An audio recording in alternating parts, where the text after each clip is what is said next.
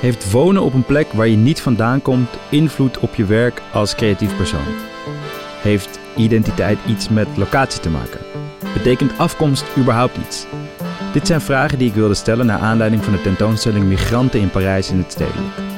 In deze mini-podcastserie ga ik in gesprek met mensen die mij hopelijk antwoorden kunnen geven. In deze aflevering muzikant Thomas Azier. Ja? Nou, oké. Zijn we ook aan het opnemen? Oké, ja, top. Ehm, welkom, Thomas. Dankjewel. Ehm, wie ben jij? Waar kom je vandaan en wat doe je? Ehm, ik ben Thomas Azier. Ik ben geboren in Leiden, Leiden-dorp om precies te zijn. En vrij snel eh, daarna, mijn ouders die hadden heel veel met eh, het zuiden van India. Dus die, zijn daar, eh, die hebben daar een groot deel van hun leven hebben ze daar gewoond. Dus wij gingen, mijn broer en ik gingen toen we jong waren, dus van 1987 ben ik geboren tot 1992 zijn we heel veel in Zuid-India geweest. Voor lange? Lange Periodes? periodes, ja.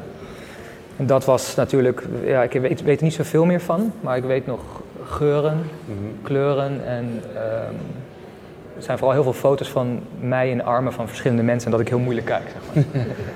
dus, ehm, en toen vanuit daar, mijn, mijn ouders zaten daar in een soort van commune, dus vrij ook wel, op zich wel een intens verhaal. Eh, ik weet er niet zoveel meer vanaf wat ik net zeg, maar alleen, ik blader wel eens fotoboeken door en dat ziet er vrij intens uit. Ehm, dus ik denk dat dat zeker wel een impact heeft gehad op mijn, eh, mijn opvoeding, mijn, mijn, mijn kindheid eigenlijk. En vanuit daar zijn we weer terug verhuisd naar Leiden-dorp. En vanuit daar ben ik op mijn tiende naar Friesland gegaan. En ook daar weer redelijk soort van, ja, ook wel weer een aparte tijd gehad. Want je komt dan als een soort van, ja, toch redelijk stadse jongen, kom je in een dorp van 100 mensen waar je toch anders bent. En ik zie nu pas wat voor impact dat voor mij heeft gehad. Ehm, een rare periode is dat ook wel geweest voor mij. Dat ik me echt heel wel.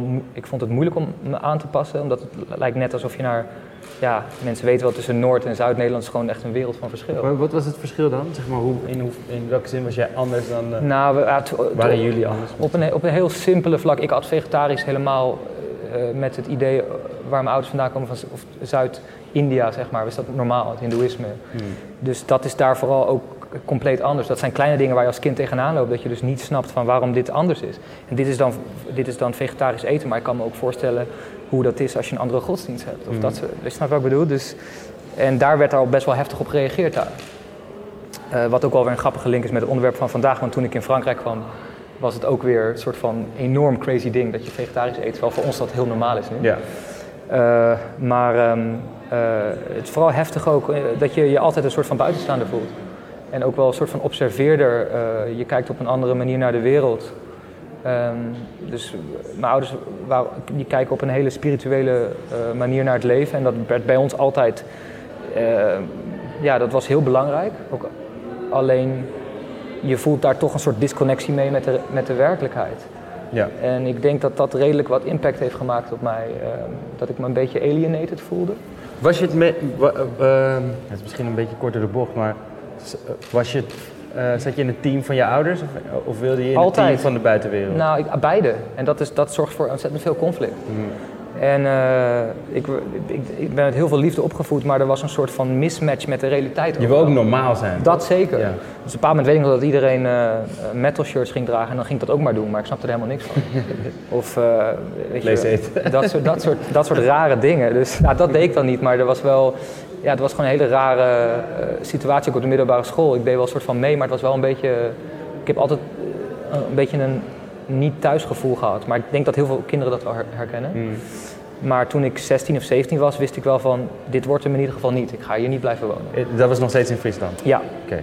toen ben ik eigenlijk vrij snel naar Berlijn verhuisd. En daar heb ik bijna tien jaar gewoond. In je eentje ben je toen ja, naar dus Berlijn ik ben gewoon... Maakte je toen al muziek ook? Ja. En ik Was dat ook de reden om naar Berlijn te gaan? Ik wist dat ik dit... Ik wist dat ik, dat ik... Ja, ik wist dat daar iets spannends aan de hand was en dat Berlijn goedkoop was. Dus ik wist dat dit een spannende stap zou zijn. En ik moest vooral weg om mijn eigen verhaal te vertellen. En ik had heel erg door van, als ik hier blijf, dan kan ik niet mijn verhaal doen. Ik heb nog geen verhaal. Ik heb nog niet echt geleefd. Ik weet nog niet hoe ik al deze dingen moet vertellen. Dus ik wist dat ik... Wat dat, grappig dat je zegt, ik heb nog niet echt geleefd. Nee. je, van India naar ja, dat maar... naar- Ja, op een of Maar andere goed, dat manier... is, dat is waarschijnlijk niet Zo het soort- ervaarde ik dat, Dat niet het leven wat je in gedachten had. Nee. En ehm, in- ja, dus toen heb ik gewoon inderdaad letterlijk wat onderbroekjes in een tas gestopt en gewoon eh, die kant op. En eh, daar ben ik, ben ik eigenlijk vrij snel ja, verbaasd geweest hoe makkelijk het is om zo'n stap te maken. En vooral de eerste jaren helemaal high geweest van de, de excitement, van dit kan ik. Want hoe werd er daar naar je gekeken? Ehm, heel anders. Heel, het is een, eh, Berlijn is een hele vrije stad. Heel inclusief. Iedereen is welkom. En je merkt ook een soort openheid in, in alles. Van, mer- vond ik heel erg. Van, van, eh, van mensen over, sowieso over seksualiteit, maar ook over eh, ja, je kijk op de wereld. Dus ik, ik merk dat, er, dat het heel open was. En dat er ruimte was voor heel veel verschillende soorten mensen. En dat is iets wat ik in Friesland veel minder ervaarde, uiteraard. Ehm, dus daar heb ik eigenlijk de tijd gehad om mezelf om te kunnen experimenteren en dingen te kunnen maken. ja, ehm, wat ik, ik, ik wist nog niet wat het ging worden, maar ik had, ik had daar de kans om heel goedkoop te leven en dingen te kunnen proberen. En hoe zag het eruit? Woonde je alleen? Maakte je muziek alleen? Of werkte Ja. je veel samen met anderen? Een beetje van alles. Weet je, ik ging naar clubs en ik ontmoette daar mensen. Ehm, ik zat, destijds was ik zat heel erg in de techno scene, eh, dus veel geleerd van hoe DJ's werken, maar ook hoe je, hoe je eh, live dingen kan doen met hardware. Dus ontzettend veel snel geleerd. En dat was zo mind-blowing voor mij. eh, vooral ook de, de, de nachtscene daar. De, ik weet nog dat ik naar de club ging en dat ik dingen zag die ik niet eens wist dat ze bestonden. Ja. Du- Dus eh, voor mij was het, en dat het allemaal maar kon of zo. En dat, dus voor mij was dat een enorme breakthrough. Hmm. Ehm, en weirdly, wat er toen is gebeurd, is dat ik gewoon muziek ben gaan releasen op het internet. En dat werd opgepikt door eh, Parijs. Dus ik werd binnen, na een aantal jaar, ik denk dat dat 2014 of 13 was, speelde ik mijn eerste show in Parijs. En dat was de eerste keer dat ik daar überhaupt was. Dat was op uitnodiging van een, eh, een jongen die ik kende, die heette Johan Lemoine, Woodkid. Misschien zeg je Ja, dat wat ik wel. een artiest en die had mijn werk gevonden en die zei wil je langskomen. Dus dat was de eerste keer dat ik in Parijs was. En Ging je sorry dat ik je onderbreek, maar ging je in de tussentijd, zeg maar in de tijd van dat je in Berlijn woonde, Ja. ging je ook nog terug naar Friesland? Absoluut, ja. En dat, dat heette dan mietvaargelegenheid en dan kon je met een, eh, iemand mee eh, liften. Weet je, ik had gewoon weinig geld. En, Ja. Dus dat ging ik wel naar mijn ouders dan met kerst of zo, als het dan kon of zo. Eh, ik had het toen niet heel breed. Maar ehm, Voelde je je dan extra misplaatst? nee, ik voel, Of vond, vond nee, je het wel, had je, waar ik eigenlijk een beetje naartoe wil, Ja. heb je nostalgie naar Friesland toe? Absoluut. Het, Ja? Helemaal. Ik zag net een, een mooie quote op een van die, van, die, eh, van, van de schilderijen staan over eh, het, het missen van velden en luchten. En e- één ding wat ik heel erg Nederlands vind en waar ik me heel erg eh, tot aangetrokken voel, is het bepaalde minimalisme in Nederland. Ik, ik reed dan naar school 20 kilometer en daar was groen, groen, groene veld en een lucht en dat was alles. En dat heeft zo'n impressie op mij gemaakt zonder dat ik het wist. En uiteindelijk zocht ik naar, in mijn werk ook naar een soort van. ehm, ehm, ik, ik, weet, ik weet niet precies hoe ik het, maar een bepaald soberheid. Wat wij, als, ja, wat ja. wij in Nederland hebben. Mhm. Een bepaald soort nuchtere kijk op dingen. Ehm, en dat mixte ik met eh, de architectonische van de stad Berlijn en van de elektronische dingen die ik daar vond. Mhm. En eenmaal in Parijs aangekomen ging er een enorme wereld voor me open. Dat was helemaal, dat is weer een ander. Want je ging gelijk, je ging in één klap verhuizen naar Nee, ik, Parijs? ik heb een tijdje lang heen en weer gependeld. Mhm. Totdat het niet meer ging, want de tours die werden daar te groot, te lang. Ehm, en ik bleef alleen maar in Parijs. En ehm, dat was inderdaad een- nog een enorme klap voor mijn hoofd of zo. Parijs heeft me echt helemaal omgedraaid. Berlijn is gewoon een dorp vergeleken met Mhm. Parijs. Parijs is gewoon de Berlijn is een beetje, en zeg maar, het hele vet stad was ook een beetje saai gewoon. Het is gewoon, het is, het- ja, en ik merkte dat de ambitie veel hoger lag in Parijs. Ja. Daar, gewoon, daar, daar gebeurde iets ehm, wat ik in Berlijn nog niet za- zag of zo. Mensen, zijn, mensen wonen in Berlijn zijn redelijk gearriveerd in bepaal, en die wonen daar vanwege de comfort. Dus vaak hebben we ook kinderen en ge- gezin, is, dat, is het heel fijn wonen. En eh, Parijs merkte ik gewoon een bepaalde soort urgency, eh, een bepaald soort hardheid in de manier van werken. En er moet gewoon business gedaan worden. Ehm, rijk en arm staat recht tegenover elkaar. Het is oncomfortabel om te leven. Het is in- super intens. Overal is het heel druk. Mhm. Al, al- alleen die dingen eh, waren voor mij al extreem intens als je Berlijn gewend bent. En had dat invloed op je werk? Wat je, wat je maakte? Even absoluut. los van de... Ja, Dus ik begon heel erg een sens van waar ik in Berlijn leefde in een bepaalde soort, uh, uh, ja, niet, niet echt de werkelijkheid, een bepaalde soort fantasiewereld, wat wij als jonge mensen daar gecreëerd hebben, een soort van enclave mm. van vrijheid. Was Parijs, werd, werd ik in één klap, werd ik nuchter, werd ik, moest ik de realiteit onder ogen zien. En daar horen de vluchtelingen bij die je vindt bij de Porte Clignancourt, bij elke port. Als je binnen Parijs komt, komt, uh, komt de tentenkampen die je ziet, daar hoort ja, wat ik zei, het heftige rijk en arm. Dus dan kan je, je de, de fashionwereld, uh, weet je wel, dat floreert en overal is ontzettend veel geld. Maar dan uh, tegelijkertijd zie je zoveel misère om je heen. En dat zijn zulke rare dingen die je gewoon, in, weet je, op een bepaald moment ben je dan in, in Montmartre of in, in, in, um, in de wat rijkere delen. En dan kijk je uit het raam en dan zie je alleen maar best wel rijke mensen wonen. Mm. Maar met rijk bedoel ik denk ik wel echt steenrijk. Want mm dat zijn, die verschillen zijn zoveel groter. Maar het is gek, wat ik gek genoeg in Parijs zelf altijd wel heel interessant vind, dat het, ik vind het dus mm, aantrekkelijk omdat het mooi is. Um, dat het mooi is? Ja, omdat het mooi is, maar uh, een hele uh, andere kant heeft. Zoals ja. Wenen of zo, is ook heel mooi. Het is alleen maar mooi, zeg maar. Ik heb, ja. Daar heb je niet die, de ja. de botsing of zoiets. Ja, en dus Parijs is, is, gewoon een soort van clash. Ja, precies. Dus dat, dat, het, het, uh, alhoewel het misschien niet leuk is voor de mensen die er wonen, het maakt het wel heel interessant en, Absoluut. en boeiend. Dat, dat is met ook dat, dat je heel erg met je, met je neus uh, op het feit van het nu wordt gedrukt. Van dit is nu de realiteit van de wereld of zo. En je kan niet echt wegkijken. En ik weet nog dat ik toen uh, vrij, ik weet niet of je die film Children of Man kent. Ik wou, ik wou net zeggen. Ik wilde echt serieus net over die film beginnen. Ja. ja. En dat is een film die, die heel veel van die dingen zijn, zijn werkelijkheid. Mhm. En dat is gewoon heel scary als je daar rondloopt. En, maar dat, dat doet zo wat met je dat je uh, de, de drang voelt en de urgentie voelt om daar... Dat gaat automatisch in je werk zitten. Mm. Um, ja. Waar ben je daarna naartoe gegaan? Want je bent niet alleen nog... Je bent daar op een gegeven moment ook weer weggegaan. Nou, ik heb daar vier jaar gewoond. En op een bepaald moment merkte ik, voelde ik me wel erg uh, een drang om het ietsje rustiger aan toen. Ik ben toen eigenlijk een jaar lang, eigenlijk heb ik geen huis gehad. Toen ben ik alleen maar rondgereisd. Om het nog gekker te maken. En dat had ook weer invloed op mijn werk. Dus helemaal geen woon, woning hebben. Dus twee, twee jaar lang gewoon um, uh, ja, waar ik was, gewoon dingen maken. En bij vrienden slapen. En, maar na, uh, na, die, na, na, die periode was ik er wel een beetje klaar mee. En toen nou ben ik in Amsterdam uh, beland. Mm. Ja, sinds een aantal maanden.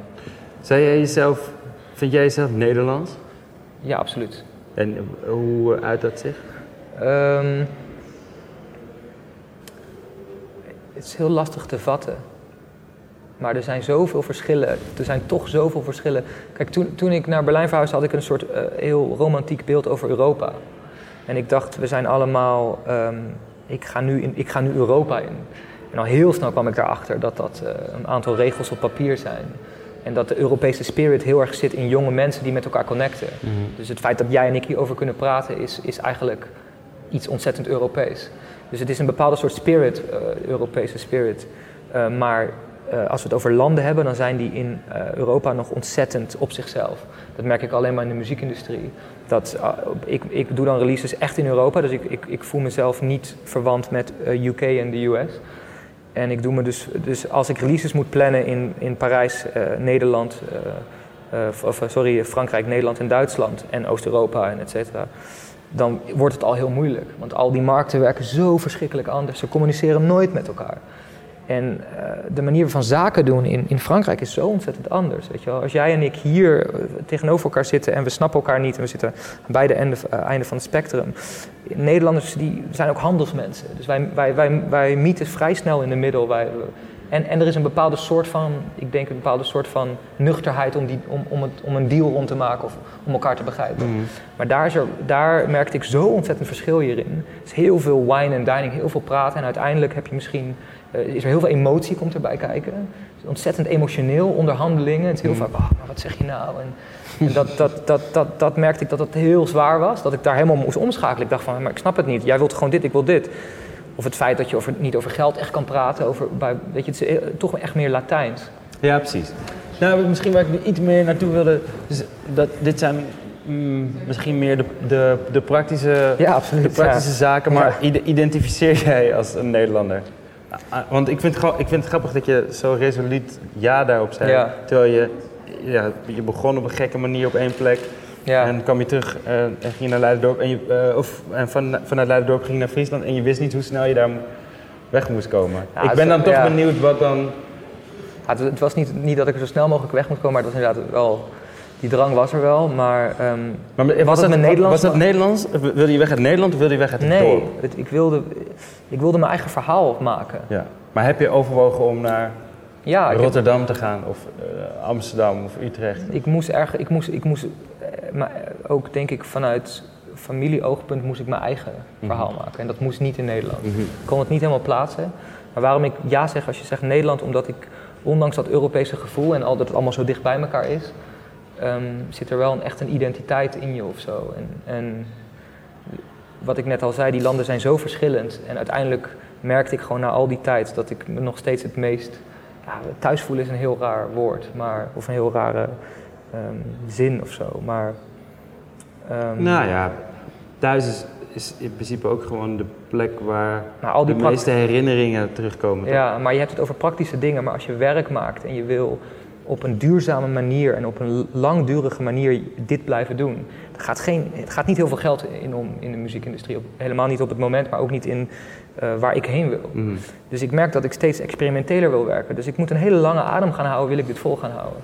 Nou, als ik naar, naar die manier op kijk, zijn die praktische dingen waar jij net zegt, dat zijn praktische dingen, die zijn ontzettend belangrijk. Ja, natuurlijk. en dat, dat zijn dingen waar, waar ik, wat, wat voor mij de, de, de keuze heeft, uh, wat voor mij de, de doorslag heeft gemaakt. Omdat ik to, uiteindelijk toch hier ben, nu eventjes ben. Ik kan even weer, even, zo even weer ademen en dan kan ik daarna weer een soort van... wat bedoel je met eventjes dan? Nou, ik weet niet of, of ik hier zal blijven, dat weet ik nog niet, maar ja. Um, uh, mis je Parijs wel eens? Ja, mijn vriendin woont er, dus ik kom regelmatig uh, daar. Uh, om de twee weken of zo. Dus missen echt kan ik het niet. Maar ik zie wel steeds meer van de, ja, de realiteit wat Parijs is. En, en zo vind je, je komt achter hele mooie plekken nog steeds in Parijs. Sowieso onder de rivier, daar zit, sowieso kan je hele mooie plekken vinden waar het iets rustiger is. En mm. ik woonde daarvoor in de 18e en dat is gewoon vrij intens. ook heel mooi en heel inspirerend, maar ook heel intens. En um, Je zit nu in Amsterdam-Oost. Ja. Is dat te horen? Hoezo? Nou, in de, in, de, muziek. In de muziek. Um, nou, dat is ook iets wat mij ontzettend fascineert. Um, misschien ga ik nu een beetje te veel out there, maar wat mij heel erg fascineert is dat we... We, we leven in een bepaalde soort werkelijkheid waarin uh, onze telefoons en de technologie de werkelijkheid wordt. Mm -hmm. Dat het niet zoveel meer uitmaakt wanneer wij buiten naar buiten gaan. Ik heb heel vaak dat ik heel lang, ik werk thuis, dus ik heb mijn studio aan huis. Is dat, dat is altijd zo geweest, hè? Ja, ja. Dus dan, en dan kom ik af en toe naar buiten en dan realiseer ik me dat ik in Amsterdam ben. Maar dan, dan helemaal de laatste week heb ik getoerd, dus dan elke avond een ander hotel in een ander land, of uh, heel veel Frankrijk. En dan, um, soms word ik s'nachts wakker en dan weet ik niet zo goed waar ik ben. Maar mijn telefoon is mijn werkelijkheid. Hmm. Dat is best wel weird. Hmm. En, en ik heb een soort theorie dat het langzaam aan het omdraaien is alsof, het, alsof dit de werkelijkheid gaat worden. En onze, onze soort omgeving, onze, onze muren. En dat, dat er een soort droomwerkelijkheid aan het ontstaan is, ook met videospelletjes. Um, maar ook uh, misschien zelfs dromen. Dat die, die gaat mooier zijn dan de echte werkelijkheid. En dat is het nu al bijna. Dus ik zeg, ik heb het nu over dromen. Mm um, soms kan je iets heel moois dromen waarbij je dus... Uh, die, dat veel mooier is dan de realiteit. En ik heb het gevoel dat, dat, we, ons daar, dat, dat we ons daar zo langzaam in aan gaan verliezen. Dat de realiteit eigenlijk best wel flat wordt. Mhm. En dat gevoel heb ik steeds meer. Dus daarom maakt het minder uit waar ik woon. En dat heeft het ook minder invloed op mijn werk. Omdat ik steeds meer in een soort al, al, alternatieve realiteit leef.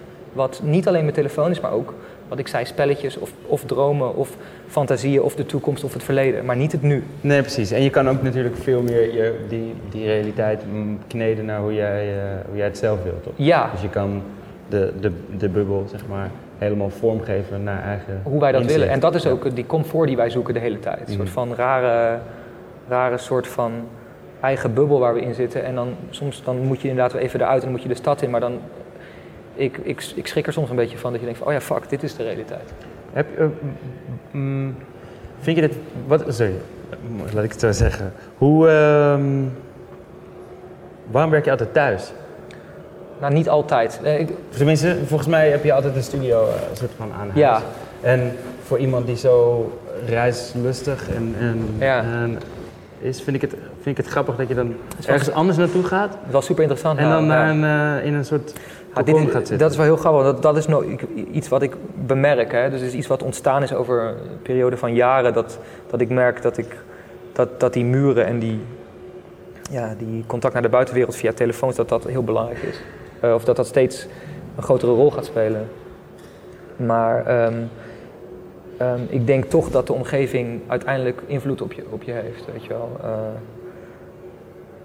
maar ik vind het wel grappig dat je dat zegt. Ik merk dat zelf ook, ook steeds meer. Want ik kan me heel goed voorstellen van, dat je een romantisch beeld hebt van ik ga in Parijs en moet ik elke dag met de metro naar de andere kant. En ja, nou dat, dat is meestal wel als ik daar ben. Ja, ja, meestal, is, meestal gebeurt dat ook wel. Ja. Maar ik merk dat het. Uh, ik moet me er zelf nu de laatste tijd toe zetten om naar een studio te gaan om dingen op te nemen. En daar, daar hunker ik ook steeds meer naar. Ik vind mm. het niet zo leuk meer om thuis te werken. Nee. Dus ik, ik moet mezelf pushen om uit die bubbel te gaan. Maar ik denk dat we dat allemaal wel herkennen. Mm -hmm dat we allemaal momenten hebben dat we denken, fuck, nou moet ik echt, uh, weet je wel, ik, omdat het zo veilig allemaal is. Mhm. En daar moet je dus uit. Dus eigenlijk dwing ik mezelf om uit die bubbel te gaan door ergens anders heen te gaan. Ja. En dan, waar we het net over hadden, dan, dan ben je in het water en dan kan je net niet meer staan.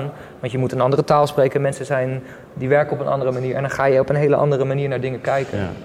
Ja, eh, ik zei het net ook al, dus ik, ik, ging, moest dus vandaag naar Drenthe om iets voor, op Marktplaats ja. te kopen. En op een gegeven moment moest ik er pinnen ja. contant geld uh, pinnen. En ik had uh, op de weg daar naartoe de hele tijd eerst een, eh, een, een soort internetradioshow geluisterd, daarna een podcast. En mijn radio viel uit in de auto, dus ik had mijn oordopjes op.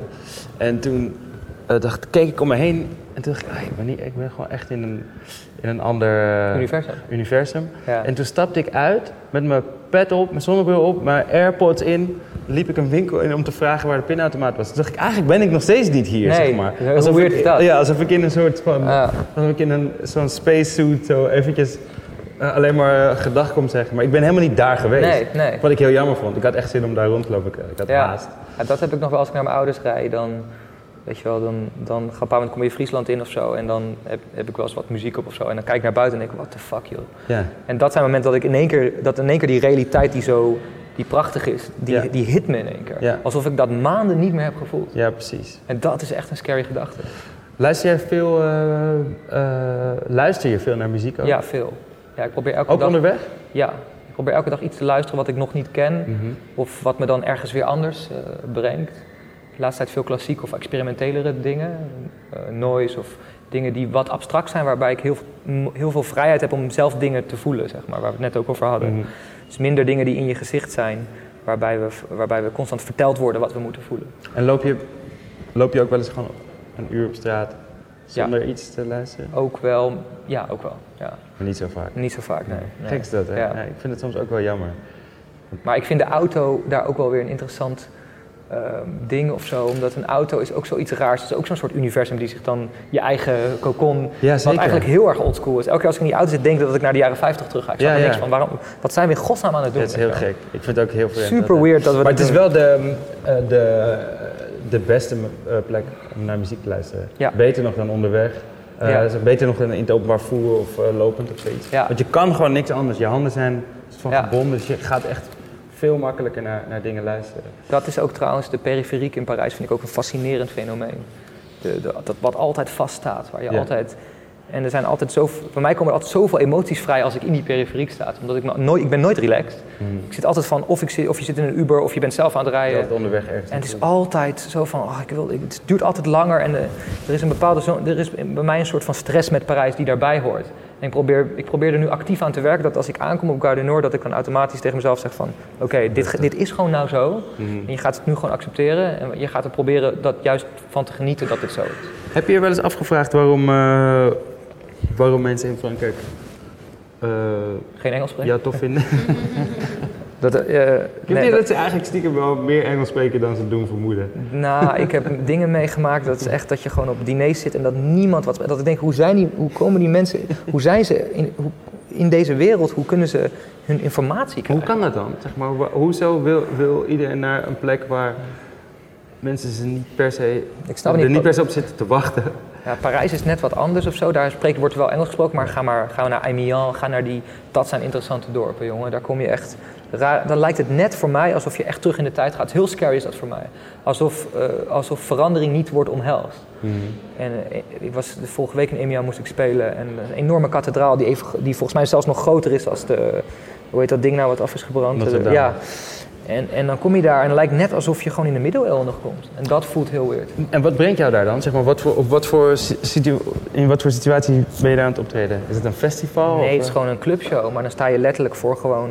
En dat is wel die hardcore clubtours. Maar zo leer je een land kennen. Want dan sta je gewoon in de Ibis budget met... met ja, weet je wel, uh, prostituees voor de Ibis budget. En je, het is gewoon intens, weet je wel. Mm. Maar zo leer je wel een soort van land op een manier kennen die heel real is of zo. En het is heel arilex om zo heel lang te toeren. Niks is oké of zo, want je speelt echt voor 150 man, 100 mhm. als je, of, 60 als je niet zoveel geluk hebt. Maar Engelstalig?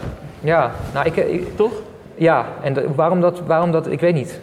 Er is een bepaald soort uh, intensiteit, een bepaalde soort dramatiek, wat, wat Fransen op een of andere manier beter trekken als Duitsers. Mm. Een bepaalde soort van, nou, er zijn genoeg opnames van uh, Franse zangers die, die, die, die, die ontzettende. Er is, een, er is een woord voor in het Frans dat heet um, inter, interpretatie.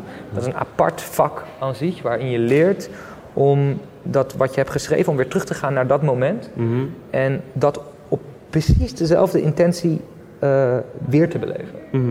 En dan kan het zo zijn dat, dat er mensen uh, huilen als ze aan het optreden zijn, of, of in die boosheid schieten. Of, dat is iets wat daar, dat is die enorme cultuur die, die de Fransen met zich meedragen waar ze ook heel trots op zijn, wat aan de ene kant een beetje scary is, uh, omdat het zo overwhelming is. Uh, maar aan de andere kant is er ontzettend veel rijk, is, ja, is het zo rijk dat je er heel veel uit kan halen. Dit soort dingen, maar ook, ik heb heel veel gehad aan arrangementen, dus de Franse manier van arrangeren is zo bijzonder. Het is een Frans woord. Ja, daar ga je. maar dat, weet je wel, ze hebben bijvoorbeeld, de, de stem van de zanger is zo belangrijk dat ze alles vrijmaken in het orkest voor, om die stem dat die daarin zakt. Dus alles, een, arrangeur krijgt een aantal procent over de rechten van het liedje. Dat zijn hele interessante dingen die wij niet dat echt kennen. nee. Dus je gaat met een pianist zitten en die gaat jou helpen met het helemaal arrangeren. Nou, dat zijn dingen die mij fascineerden en waar ik meer over wilde leren. Dus vandaar dat ik daar uh, ben gebleven. Als er nog één ehm, bestemming is waar je een tijdje zou willen zitten, wat is dat dan? Waar je nog niet, waar je nog niet bent geweest? Um, of tenminste nog niet voor lang, langere tijd? Ja, ik, ik ben de laatste tijd uh, ben ik heel erg excited over, uh, over Warschau ook, en, maar ook Rusland, Sint-Petersburg, Moskou. Dat interesseert me heel erg. Dus meer die hoek.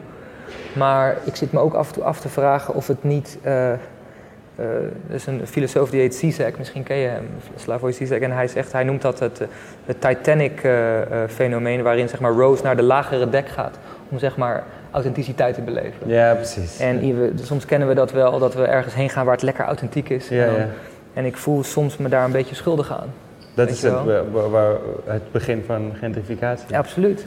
en dan, ga, dan kom je en dan word je als een soort van, uh, ja, je wordt in een bepaalde soort, uh, vaak in, in niet hoofdsteden, maar uh, weet je wel, de tweede of de derde grote stad. Mm. En dan word je heel vaak ontvangen op een hele warme, liefdevolle manier. Om, en mensen zijn echt excited dat je er bent.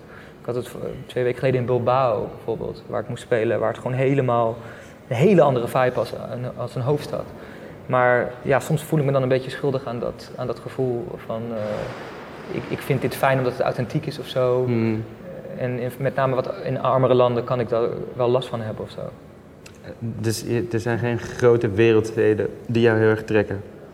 Die zeg maar uh, nee. mooi en nee. aangenaam zijn? Nee. nee. Okay. Ik snap het wel. Dankjewel. Graag gedaan.